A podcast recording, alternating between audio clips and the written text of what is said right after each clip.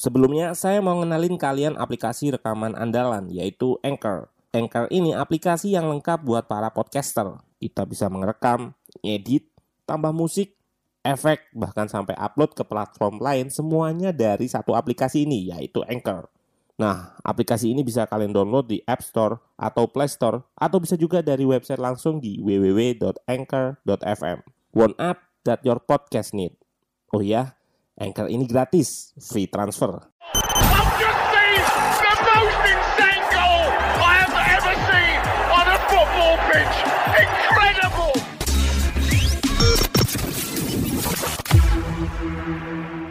Halo, selamat datang di channel Ruang Taktik. Di video kali ini kita akan analisis pertandingan final UCL antara Manchester City versus Chelsea. All English Final ini akhirnya dimenangkan Chelsea, tim asal London yang sekarang punya dua piala UCL. Juga jadi kemenangan ketiga Chelsea atas City dalam satu musim. Mau pakai pelapis atau non pelapis pun nggak masalah bagi Tuchel. Ini menunjukkan betapa superiornya taktik Tuchel yang bahkan diakui Pep sendiri saat wawancara dengan Rio Ferdinand. Menariknya di wawancara ini, Pep paham semua kelebihan taktikal Chelsea, namun menunjukkan juga bahwa taktik yang ditebak belum tentu bisa diantisipasinya. Kita akan bahas detail taktiknya di video ini. Let's go, kita bahas sama-sama.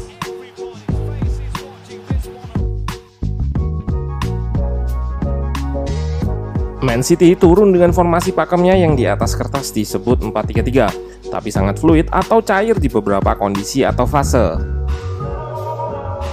Seperti dalam fase menyerang ini, City menggunakan 3 back dengan fullback kiri yaitu Zinchenko bergerak ke tengah menjadi pemain tengah atau midfielder.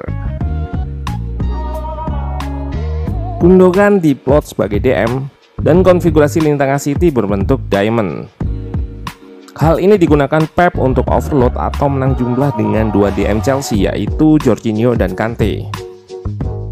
Dan City bermain tanpa striker murni yang di atas kertas diisi De Bruyne.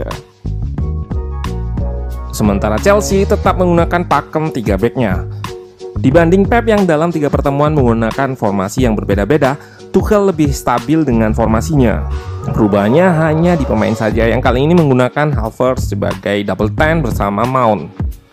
3-4-2-1 Shape menyerang Chelsea terdiri dari 3 back, 2 DM, wingback yang menjaga kelebaran,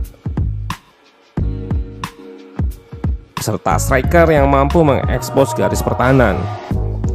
Ini bikin pertahanan City nggak bisa selalu naik untuk press ke depan atau menutup jarak ruang antar lini karena harus waspada akan pergerakan striker yang diperankan oleh Werner.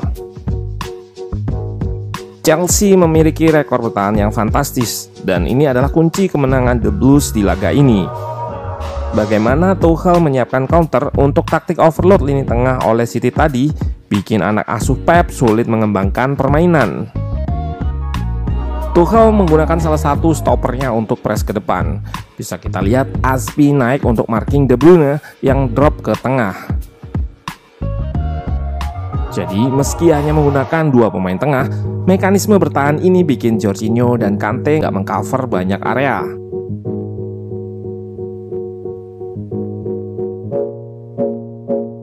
Hal yang sama dilakukan di sisi kiri oleh Rudiger.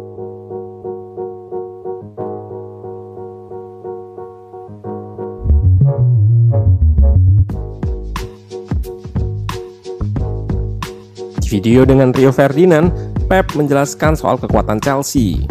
Build up racikan Tuchel mengandalkan umpan pendeknya menggunakan 3 back dan 2 DM yang jaraknya dekat. Dengan short build up yang jarak dekat, selain untuk berusaha lepas dari press lawan, tujuannya untuk memancing lawan ke sisi tertentu. Aplikasi all-in-one dan menjadi andalan para podcaster buat rekam podcast mereka, namanya Anchor. Pakai Anchor ini, kalian nggak perlu peralatan ribet kayak studio kalau mau ngerekam. Semuanya bisa dari smartphone kalian menggunakan Anchor. Anchor bisa kalian download di App Store atau Play Store. Mudah banget.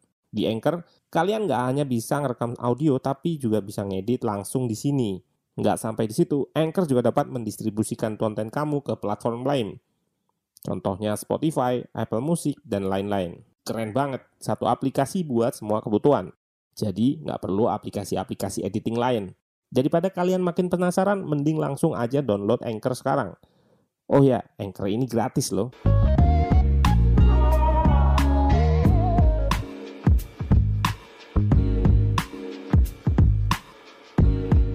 Namun meski berjarak dekat, di saat bersamaan mereka punya pemain yang melebar jauh. Ini artinya Chelsea mempunyai area yang lebar buat lawan untuk keluar dari press menggunakan switch play atau perpindahan arah serangan. Ditambah wingback yang nggak memposisikan diri ke depan. Membuat fullback lawan di sini Zinchenko harus menempuh jarak untuk melakukan press. Jeda waktu ini bisa dimanfaatkan wingback untuk kirim bola diagonal atau direct ke depan, memanfaatkan momen bergesernya back untuk menggantikan posisi yang ditinggal Zinchenko. Variasinya adalah seperti yang terjadi pada gol satu-satunya di game ini. Yap, Chelsea memindah arah serangan yang membuat pertahanan harus bergeser dari kanan ke kiri, lalu ke kanan lagi. Akibatnya terjadi disorganisasi. Yap, gol Chelsea berasal dari pancing press lawan ke sisi kanan lalu switch atau ubah serangan ke kiri menggunakan kemampuan distribusi Mendy dan lebarnya Chilwell. Sebelumnya kita lihat situasi press City yang berada di kanan pertahanan. Zinchenko harus mengikuti James guna mencegahnya melakukan umpan. Double pivot Chelsea juga merapat memancing pemain tengah lainnya untuk melakukan press. Namun karena dipindah, Zinchenko harus kembali dan bergeser jauh.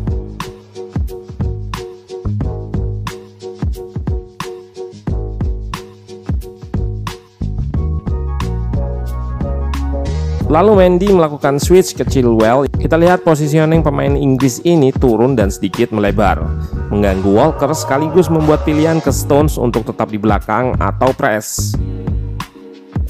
Karena umpan Mendy tadi, pertahanan juga disorganisasi, alias jarak-jaraknya menjadi lebar dan terekspos. Werner dengan cerdik membuka ruang untuk Havertz dan pemain asal Jerman ini menerima umpan terobosan dari Mount yang sangat bebas.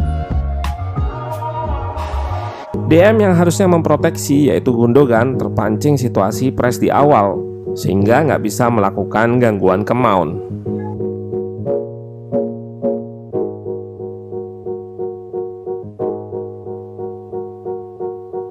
Gol ini menunjukkan set play Tuchel yang gak mampu diantisipasi Guardiola meski pelatih City ini menyadarinya. Dari pemilihan pemain dan cara melakukan high press menunjukkan Pep ingin segera mengganggu bangun serangan Chelsea. Namun Tuchel mampu keluar dari tekanan dan mencetak gol sehingga mampu menjalankan strategi utamanya, defend dan menyerang transisi lawan. Dalam menjalankan strategi bertahannya, Tuchel diberkahi pemain belakang yang bermain apik di laga ini. Tentunya juga man of the match yaitu Kante yang sulit ditembus pemain kelas dunia yang dimiliki City. Pada dasarnya peran Kante juga nggak cuma tukang jagal atau rebut bola saja, namun piawai juga dalam menyerang saat transisi. Di babak kedua, guna memaksimalkan strategi bertahan, Kovacic masuk untuk menapisi dua gelandang menjadi tiga, dan Chelsea semakin solid. Sementara Pep masih kesulitan dan mencatatkan XG di pertandingan ini hanya 0,2, justru berbanding jauh dengan Chelsea yang bermain bertahan. Yap, musim ini sepertinya milik tim yang memberikan perhatian khusus pada pertahanan. Nggak terkecuali Tuchel dengan waktu yang relatif singkat menangani Chelsea. Namun bertahan yang dilakukannya jelas bukan hanya menumpuk pemain di belakang, namun seperti di analisis ini, mekanisme dalam bertahan harus diatur dengan taktik sedemikian rupa agar situasi-situasi yang membahayakan teratasi. Juga set play build up-nya yang mematikan patut diwaspadai musim depan.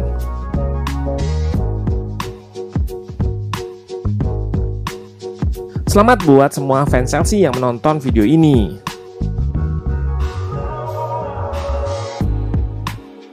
Terima kasih atas dukungan kalian yang selalu support channel ini.